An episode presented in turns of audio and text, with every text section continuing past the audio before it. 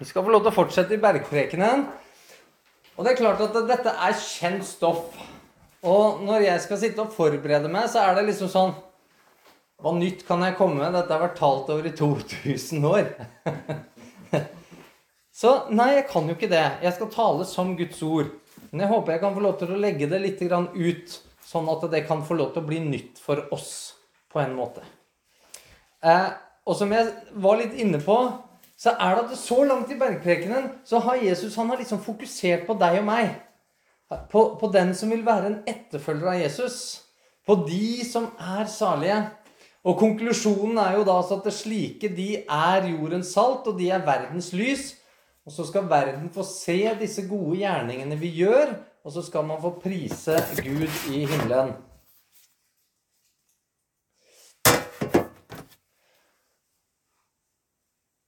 Og så er det veldig interessant å legge merke til at Jesus i denne konklusjonen da, over det vi da har sett på, så sier han at de vil prise sin far. Nei, de vil prise deres far. Altså, de, de, som de har sett på, de som er lys og salt, dem skal begynne å prise deres far.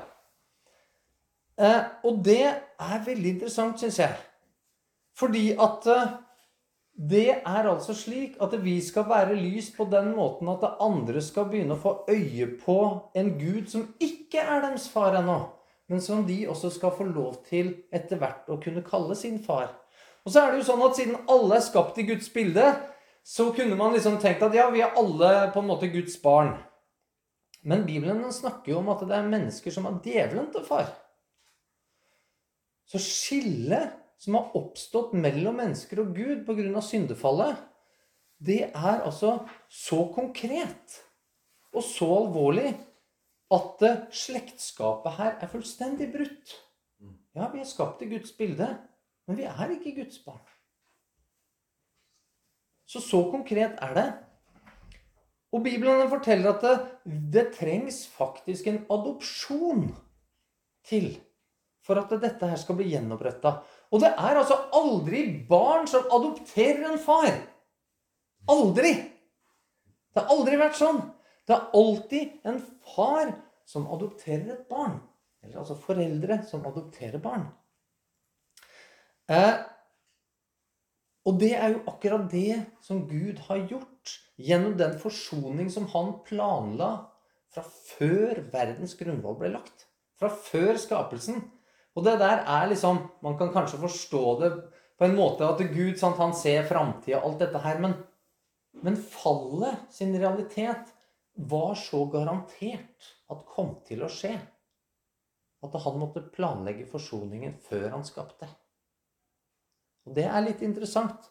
Og det, Hvis man hadde hatt tid til det nå, kunne vi begynt å snakke om sånn fri vilje og, og mulighetene for at mennesker kunne klare å leve med fri vilje uten å velge bort Gud. Men hvis vi begynner å tenke sant? Hvor lenge var Adam i paradis? er jo liksom dette store spørsmålet. Sant? Hvor lenge klarte de seg? Ikke så veldig lenge. Og Gud han tenker evighetstanker. Så det var, liksom, det var garantert at det fallet kom til å komme. Så derfor så planla Gud denne forsoningen fra før jorda ble skapt. Hellighetens og lykkens vei konkluderer altså i ære og pris til Skaperen, til vår Far. Og veien den skal være et vitnesbyrd som gjør at flere ikke bare priser vår far, men at det også kan få bli deres far. Det er det som egentlig er konklusjonen der. Så Jesus han starter og Dette husker jeg jeg sa helt i begynnelsen, når vi begynte å prate om saligprisningene. Så sa jeg at Jesus han er pedagogisk her, fordi at Jesus han starter med konklusjonen.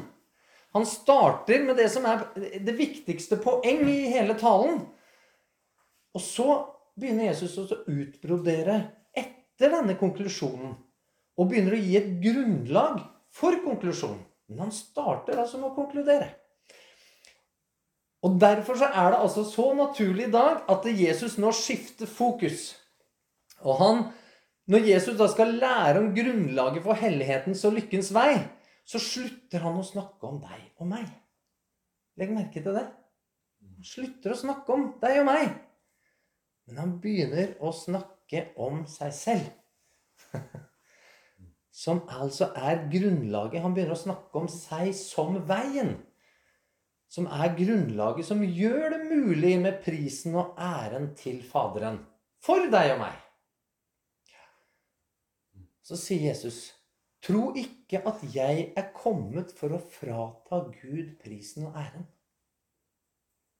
Jeg er ikke kommet for å endre på det som Gud har innstifta. Jeg er ikke kommet for å forandre noe på læren.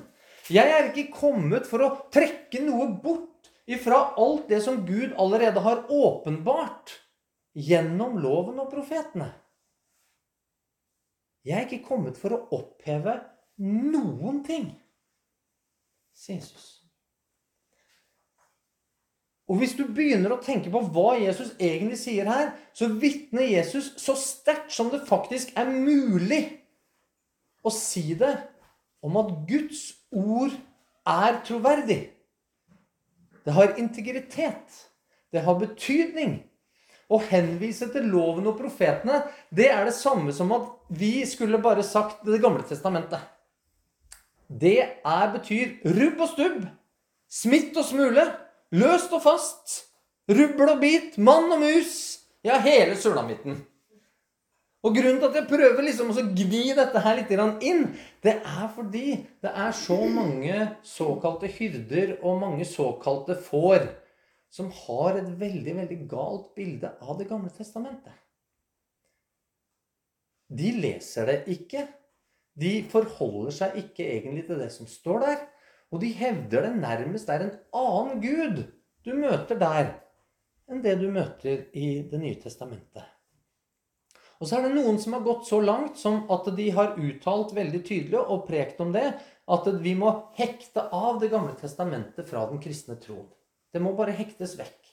Og dette er ikke hvem som helst. Dette er megakirkepastorer i USA som har sagt megakirkepastorer hvor norske pastorer som er svært godt kjent, nå skal ikke jeg nevne navn, men som er svært godt kjent, har oversatt og forkynt vedkommende sine taler her i Norge. Så dette har altså betydelig påvirkning også langt inn i norsk kristenhet. Og så kommer da imot disse tankestrømningene som vi kan møte så sterkt i vår tid, så kommer altså Jesus sitt eget vitnesbyrd. Dere må ikke tro at jeg er kommet for å oppheve dette. Hvorfor? Jo, fordi loven og profetene er Guds krav til frelse. Loven og profetene er Guds krav til frelse. Gud, han er tre ganger hellig. Og han krever jo ikke at du gjør ditt beste. Han gjør ikke det. Han, krever ikke at du, du gir han tilslutning, heller tilslutning til at han har rett i det han sier, og deretter bare lever sånn som du vil.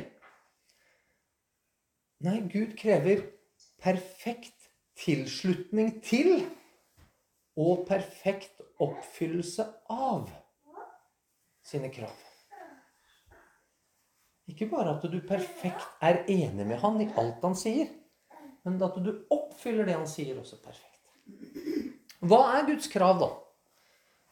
Jo, vi har ikke tid til å gå gjennom det nå på én time. Da måtte vi brukt noen måneder. Men Guds krav det er altså perfekt oppfyllelse av seremoniell renhet.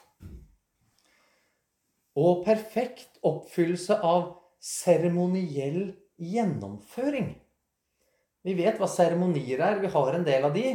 Og da blir det formelt, det blir stivt, det skal gjøres sånn og sånn. Og hvis du ikke gjør det sånn, så sitter alle og ser rart på hverandre, og nå er det noe feil. Men når vi kan tenke sånn i våre seremonier, som vi har innstifta, bare tenk hvordan Gud tenker om de seremonier som han har innstifta. Og så krever Gud perfekt oppfyllelse av lovens moralske krav. Og så krever han, som det tredje og siste, perfekt oppfyllelse av sine juridiske krav. Og disse juridiske kravene er som alle andre juridiske krav. De kan lede til domfellelse eller frifinnelse. Og det er nettopp dette at Jesus, Gud krever perfekt tilslutning til sine juridiske krav, som kan lede til frifinnelse under loven. Altså ved loven. Ikke at han ser vekk fra loven, eller ikke bryr seg om loven, men det er frifinnelse under loven.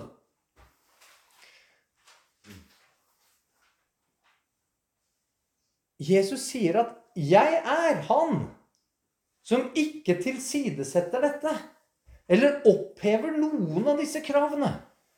Jeg er den som oppfyller dem, slik Gud krever. Jeg er den som gjør at Guds ord står fast, at Gud ikke blir en løgner. Jeg er den som gjør det slik at Gud fortjener all ære og pris. Det er det han sier. Jeg er veien dere skal gå på for at mennesker skal prise deres Gud i himmelen. Det er jo liksom poenget med alle saleprisningene som vi har gått gjennom. Og, og, hvordan kan da mennesker som kaller seg kristne, i det hele tatt tenke tanken om å hekte av det som er det som gjør Jesus til veien, til sannheten og til livet? Jo, Jesus er veien til Gud gjennom oppfyllelse av seremonielle krav.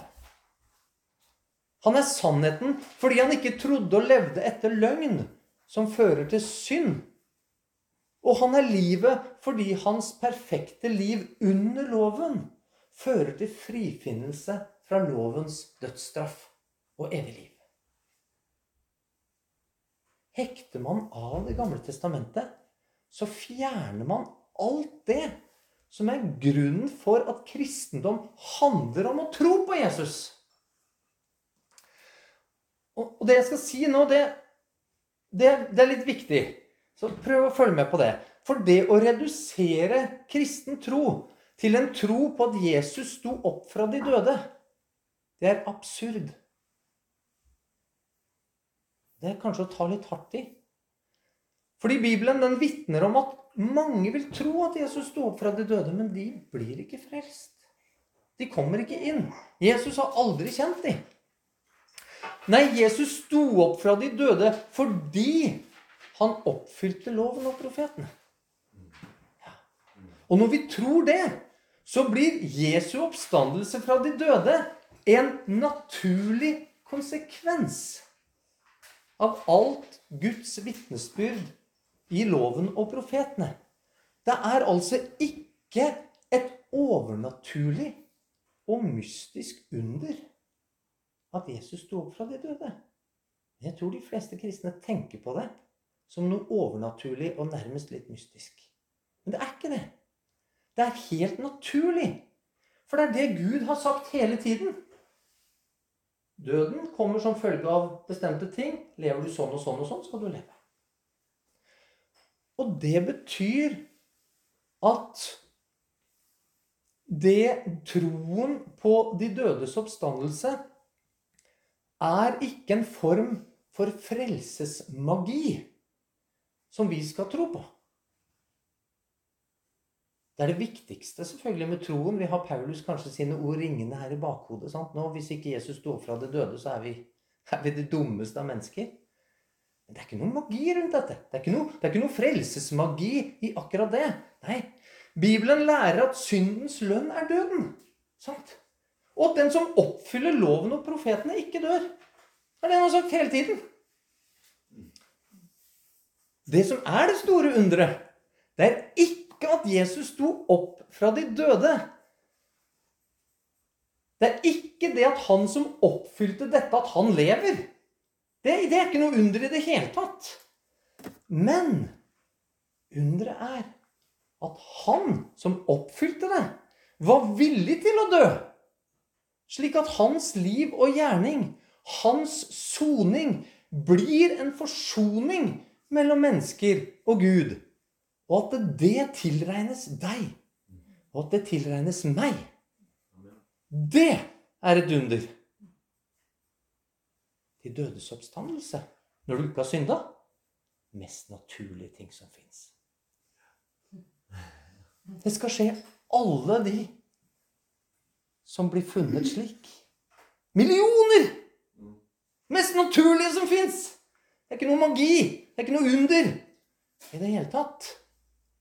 Vi må slutte å tenke på det som det. Og dere skjønner derfor, mine venner, at å forstå og tro på loven og profetene er av største viktighet.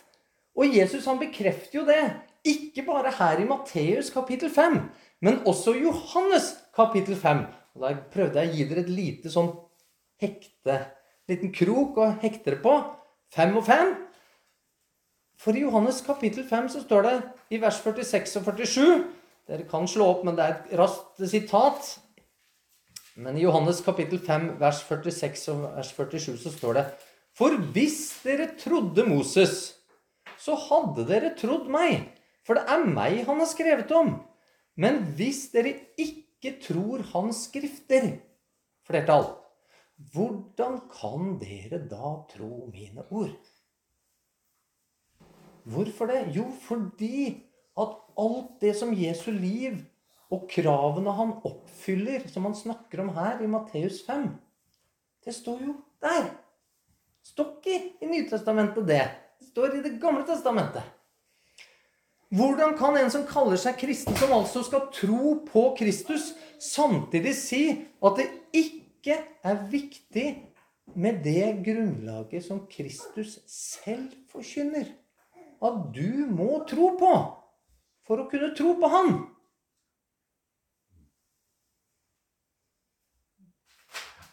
Hvordan kan man da tro på dagens tekst? blir spørsmålet. Dette blir veldig fort, veldig konkret. For hvordan kan du tro på dagens tekst når Jesus sier 'Jeg er oppfyllelsen' av det Faderen vitner om i Det gamle testamentet? Det er det han er oppfyllelsen på. Hvordan kan du tro det hvis du ikke tror på det som står i Det gamle testamentet? Ser dere hvor vevd sammen dette er? Du kan ikke skille dette her på noe som helst måte. Og mange vil ikke klare å se dette likevel, fordi troen på ordet i Det nye testamentet henger sammen med en tro på ordet i Det gamle testamentet. Og troen på hele dette ordet For Bibelen sitt selvvitnesbyrd er at alt dette her er Guds ord. Ja da, vi har vi har menneskers ord sant, inniblant, og vi har menneskers gjerninger, og mye av det er fryktelige greier. Men det, det er Guds ord, og alt er til oppbyggelse og læring osv. Troen på hele dette ordet er ifølge Johannes kapittel 14. Når du leser hele det kapitlet, så er det en forutsetning for å få samfunn med Gud. Som igjen er en forutsetning for at du kan begynne å få åpenbaringer gjennom ordet.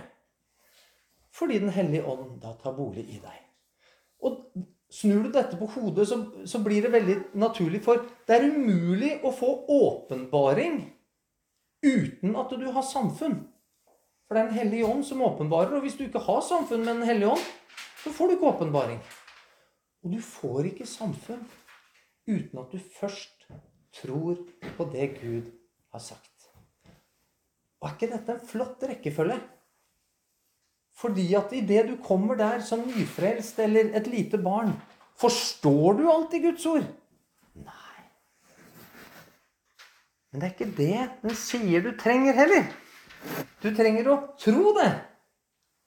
Som et barn bare tar mine sant? Når, jeg, når barna mine er små, og jeg sier noe 'sånn er det', så bare tror de det. Og jeg kan jo ta feil, da, men det gjør ikke Gud. Sånn at Da er det ikke så farlig å tro på Han som det kan være å tro på meg. da. Eh, og, og, det er alt som kreves. Kreves ikke at du forstår det. Kreves ikke at du er ekspert på noe som helst vis. Men gjennom å tro det, så får du samfunn med Den hellige ånd.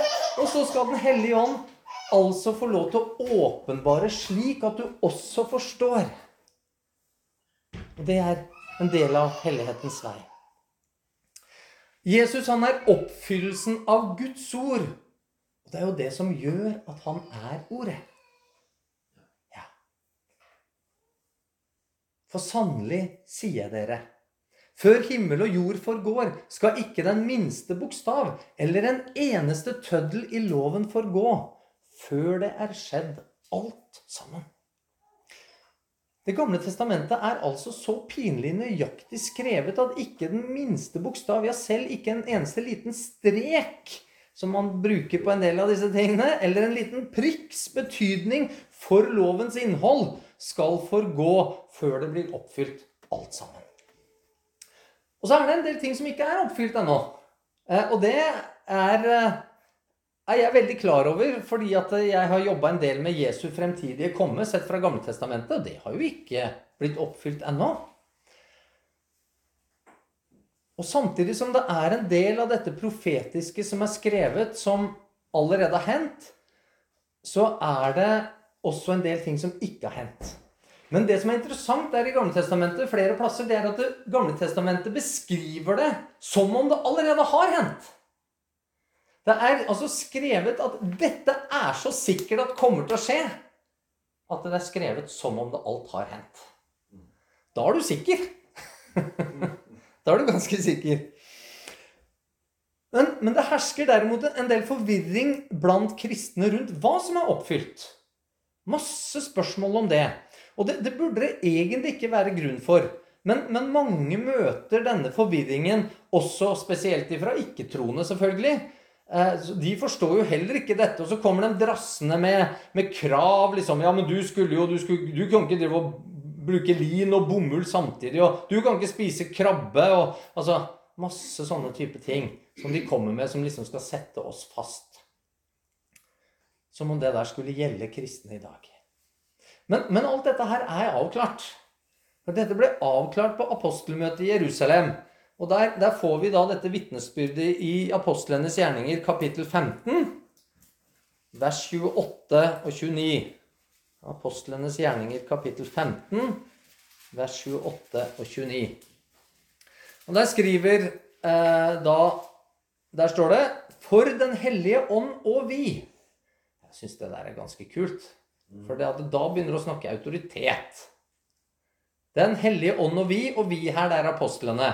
Så Den hellige ånd og vi har besluttet ikke å legge på dere noen annen byrde enn de helt nødvendige tingene.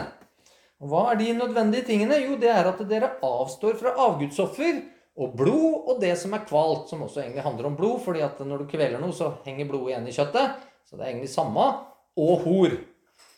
Om dere tar dere i vare for dette, vil det gå dere godt. Lev vel. Det er ganske lettvint i forhold til 600 og et eller annet bud og forskrifter fra Gamletestamentet. Eh, fire. Det som utløser denne her debatten, det er jo dette spørsmålet om omskjærelse. Altså det som har med den seremonielle loven å gjøre. Som har med renhet å gjøre. Skulle disse delene av Moseloven også gjelde hedningene? Det var spørsmålet. Og da er det Peter som tar ordet, og så sier han nei.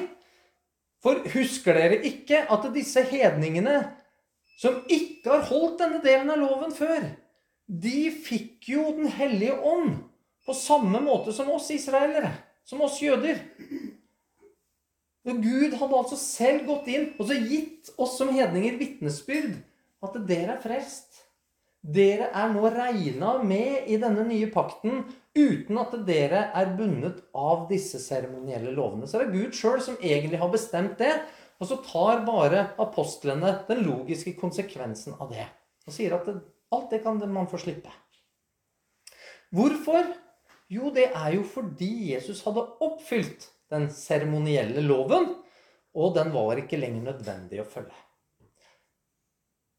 Veien til Gud, den var jo åpna. Forhenget var revna. Du trenger ikke lenger noen ritualer eller besvergelser eller åndemaning eller hva du nå kan finne på av en eller annen form for seremoniell greie for å liksom få kontakt med Gud. Alt det er oppfylt. De kravene Gud hadde satt der, det, det er ferdig. Veien er åpna. Vi trenger ikke det lenger. Vi kan få lov til å komme fram for Guds trone kun i Jesu navn. Det er fantastisk. Og Disiplene de fastholder likevel her noen regler, som dere da ser. Men merk dere at dette er regler som ikke handler om din og min frelse. Det, det, står ikke det at du må holde deg borte fra sånn og sånn og sånn for at du skal bli frelst. Det står at du skal holde deg borte fra det for at du skal få et godt liv. Du skal få et godt liv. Det er noe helt annet. Og så står det 'lev vel'. Ha det bra. Sant? Er ikke det flott? Men de tidlige kristne de var litt forvirra. De forsto jo etter hvert at ok, de seremonielle lovene og renhetslovene osv. De, de var oppfylt. Men, men, hva med de moralske, da? Sånn, de moralske kravene.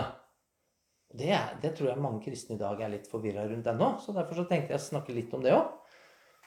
For dersom Jesus oppfylte lovens moralske krav, så er ikke vi lenger under den loven. Og da er det jo bare sånn, men da kan vi jo synde av hjertens lyst. For vi er jo ikke lenger under denne loven. Den er oppfylt. På samme måte som vi ikke trenger å følge alt dette andre, så, så trenger vi ikke lenger å følge de ti bud og, og alt dette her, fordi det har Jesus gjort. Og da beskriver Paulus da hvordan på en måte folk tenkte om dette, og spørsmålene de hadde, og hvordan vranglærer sa hans samtid er når han sier Skal vi da bare synde sånn at nåden kan bli dess større? Det er det spørsmålet han stiller retorisk for å egentlig bare peke på hva folk kverna med av vanskeligheter og forvirring i hans tid. Og Så sier Bibelen nei. Nei, det er ikke sånn. Og hvorfor det, egentlig? Har du tenkt på det? Hvorfor er det sånn? For, for, for, loven er oppfylt. Den er død og maktesløs. Er det fordi man mister frelse om man bryter den? Altså om man faller i synd? Nei, for da hadde jo ingen i dette rommet blitt frelst. I hvert fall ikke jeg. Nei, Jesus har oppfylt lovens krav og bud, men synd handler egentlig om hva du og jeg tror på. Det er det det handler om. Det handler om hva du og jeg tror på. Og når vi synder, så, så tror vi på en løgn som forteller oss at vi kan få noe, oppnå noe, erfare noe som Gud ikke vil gi. Eller ikke kan gi. Sant?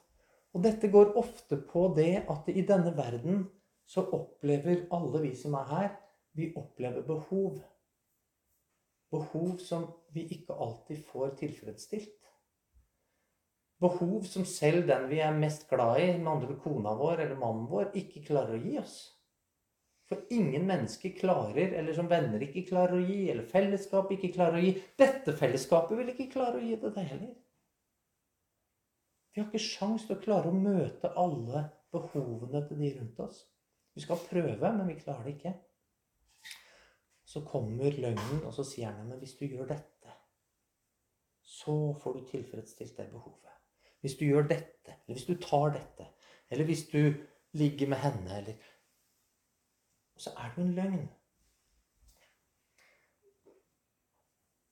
Og fastholder vi troen på en slik løgn, med andre ord vi fortsetter å synde, altså vi begynner å leve i synd, så kan vi ikke samtidig tro på Gud som sier at dersom vi tror på Han, så skal vi få alt det andre i tillegg. Så det blir altså to forskjellige trosretninger som kommer i konflikt med hverandre. Og du kan ikke tjene begge to som herrer samtidig. Så syndens bedrag er altså det at vi blir tvunget til å slutte å tro på Gud. Og siden vi blir frelst av tro, så skapes det et forhold til synd og til loven som fortsatt må tas på alvor, selv om loven er oppfylt. Og det er imidlertid ikke slik at en kristen prøver å oppfylle bud som er oppfylt allerede. Nei, det er ikke det at man prøver å følge loven fordi man skal fortjene Guds frelse. Fordi loven, sier Paulus, den, den skaper lyst til det onde. Jeg har lyst til å synde. Når den sier at du får ikke lov, så har jeg lyst til å gjøre det. Ja, Så står det at bokstaven slår i hjel. Altså, den bygger ikke opp. Den skaper ikke det i oss som gjør at vi har lyst til å gjøre det gode. Så vår etterlevelse av den moralske lov er ikke nå på grunn av budets bokstav fordi at loven sier det, men på en grunn av en helt annen drivkraft som vi har fått. Jo, det er kjærlighet til Han som oppfylte loven. Han som sona straffen som loven utlover, og som tok altså vår straff i vårt sted. Vantro er altså syndens kjerne, og den fører til forherdelse av hjertet. Forherdelse tar bort vår tro på Guds ord, og at dette ordet har makt til å sette oss i frihet og gi oss det vi egentlig trenger, både for tiden og evigheten. Og Derfor er det at vi trenger altså daglig omvendelse, daglig å bekjenne at uh, synd er galt, løgnene er gale, Guds ord er sant. Jeg tror på det. Sant? Vi, vi bekjente troen sammen i stad. At Jesu oppfyllelse av loven og profetene holder også i mitt liv. Det er det vi tror på.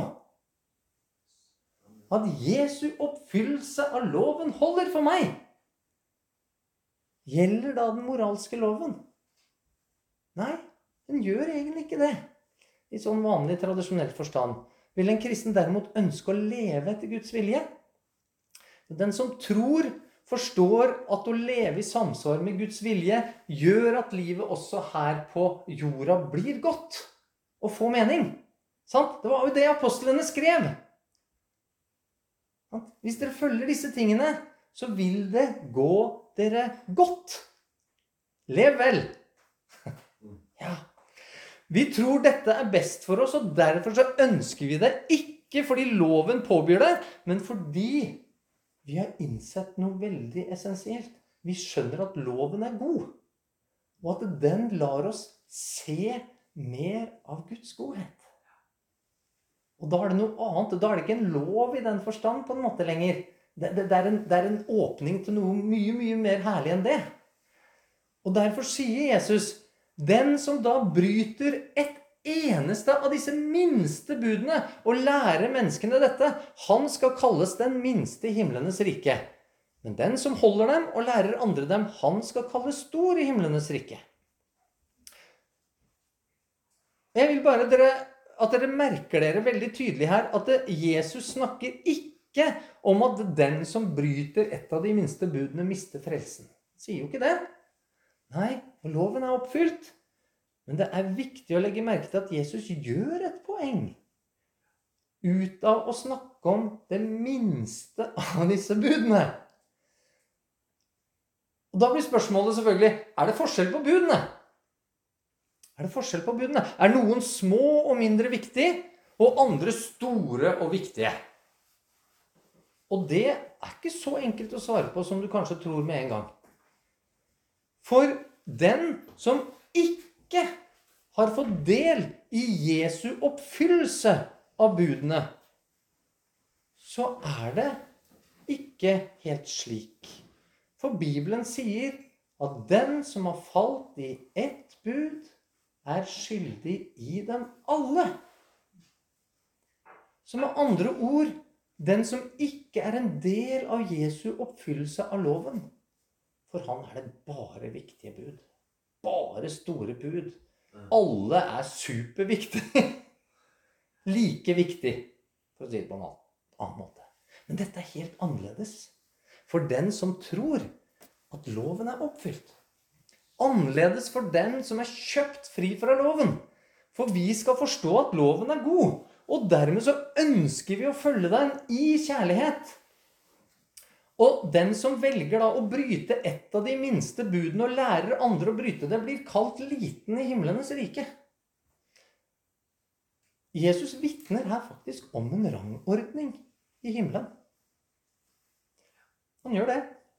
Og det er selvfølgelig Guds helt suverene privilegium å få lov til å la det være sånn. Hvis han vil at det skal være sånn, så får han lov til å la det være sånn. Eh, men vi er så sosialistiske i vårt land at vi tenker at å, Gud er urettferdig med en gang. Nei, det er ikke sånn. Det er ikke sånn. Så ser det altså ut som dette handler om i hvor stor grad vi omfavner sannheten i Hans ord og forstår godheten selv i de aller minste av Hans bud. Med andre ord vår tilslutning til Guds vitnesbyrd om sin godhet vil reflekteres i den rang vi får i himmelen. Og da snus mange ting på hodet, mine venner. For da har det ikke så veldig mye å si om du står her, eller sitter der, eller sitter i, i, i, i, bønnerommet ditt hjemme og sånn. Sant? For da er det ikke de tingene vi gjorde, men det er hvordan vi holdt fast ved Guds ord selv og lærte og viste det til andre, som avgjør hvor vi havner hen. Eller hvor, hvilken rangordning eller hvilken belønning vi får.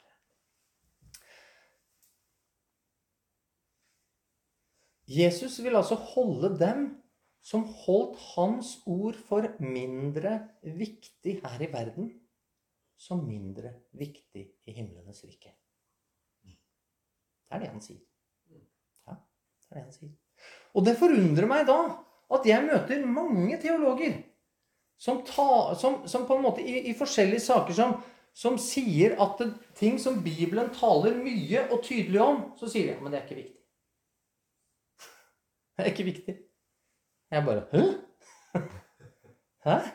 Seriøst? For meg så ser det ut som det er veldig mange teologer som vil havne som de minste i himlenes rike. Og veldig mange av de er veldig flinke til å si at veldig mye i Bibelen ikke er viktig.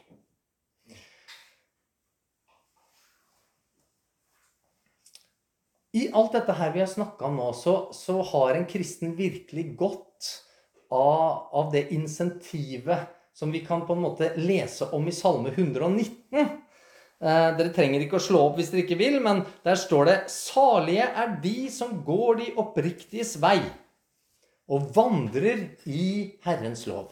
Så lykkelige er de. Salige er de som tar vare på hans vitnesbyrd, som søker ham av hele sitt hjerte og ikke gjør urett. Hvorfor gjør man ikke urett?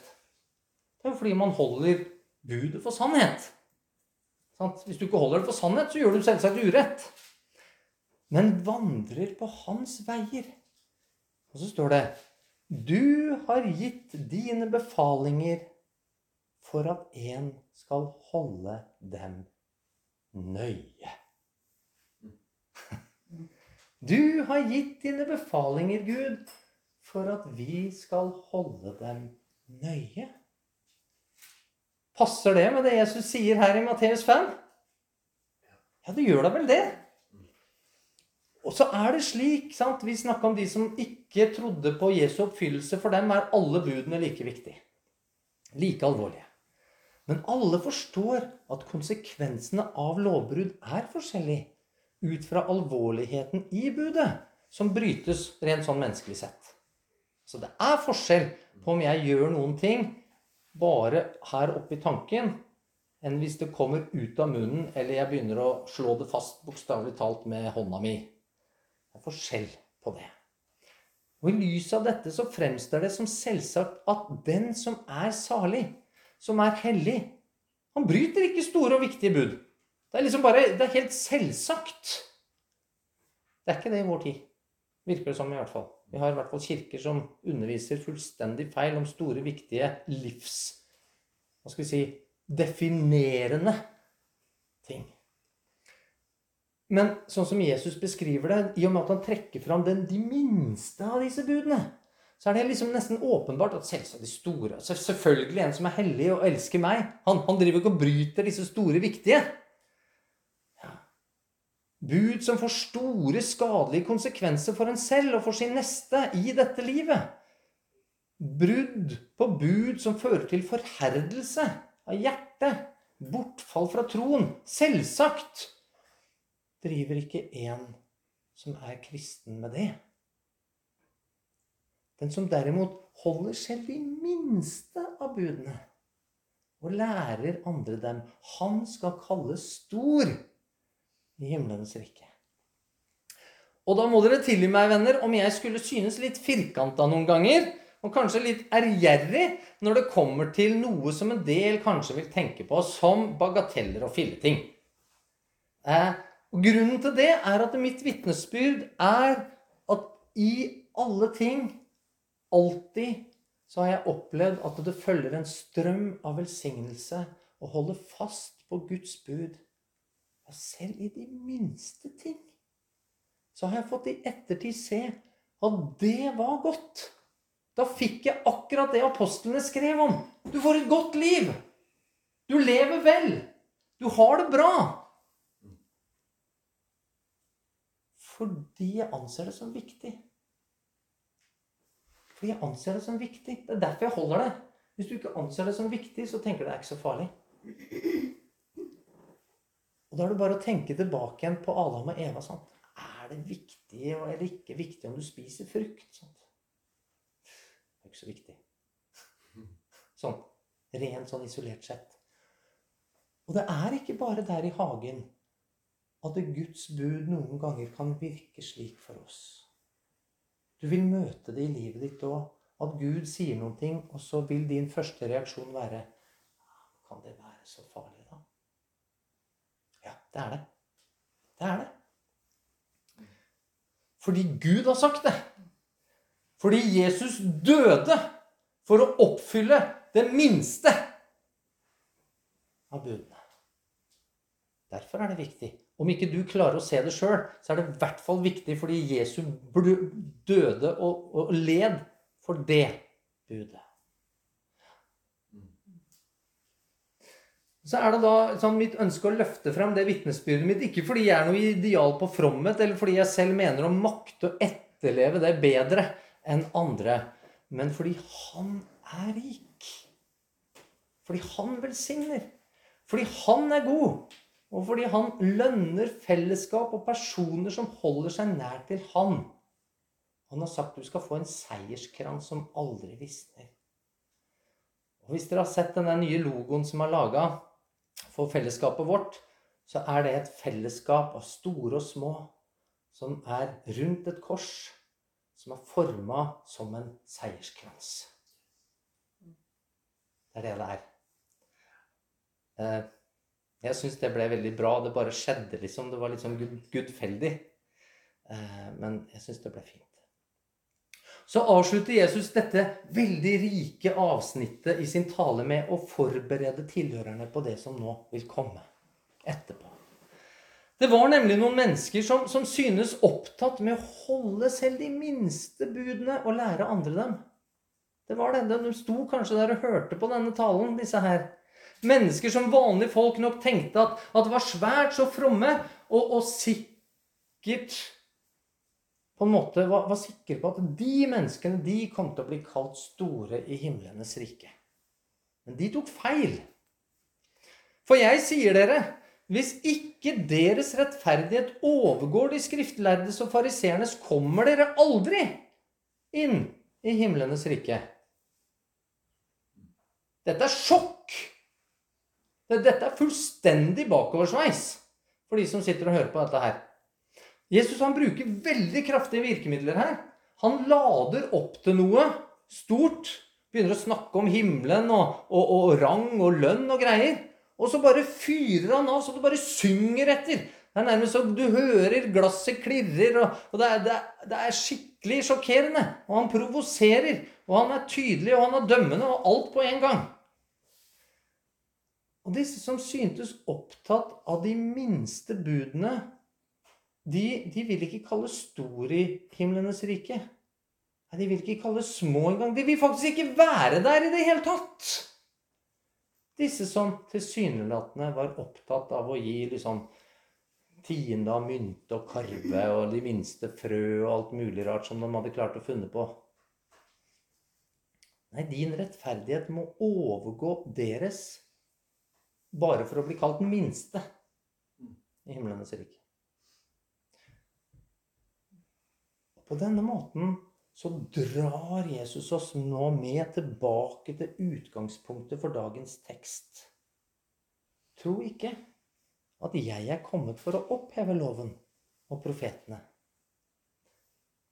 Fordi fariseerne og de skriftlærde de prøver gang på gang på gang å klistre Jesus og gi han denne merkelappen. Du bryter forskriftene, Jesus. Du vanhelliger sabbaten ved å arbeide og helbrede folk, Jesus. Du lar disiplene dine spise korn, Jesus. Du ønsker å erstatte det Moses har befalt, Jesus. Du driver med blasfemi, Jesus. Det dette de driver på med hele tida. Vi kunne brukt lang tid på å gå igjennom alle disse anklagene som disse menneskene kommer med mot Jesus. Og så kommer Jesus, og så sier han egentlig litt på forhånd av. Men tro ikke dette. Ikke, ikke tro på det de sier. Jeg er ikke, jeg er ikke kommet på grunn av det. Jeg er kommet for å oppfylle. Ja, jeg er den eneste som kan oppfylle. Og jeg vil oppfylle Guds krav perfekt. Jeg oppfyller ikke fariseernes menneskebud og forskrifter. Men jeg er kommet for å tydeliggjøre og forsterke hva Faderen krever. Og Det er her han begynner å gjøre oss litt klar for det som kommer, som vi skal begynne å se på neste uke. Jeg kommer til å begynne å utlegge noe for dere. Faderens intensjon og vilje. Og jeg vil åpenbare loven i lyset fra evangeliet.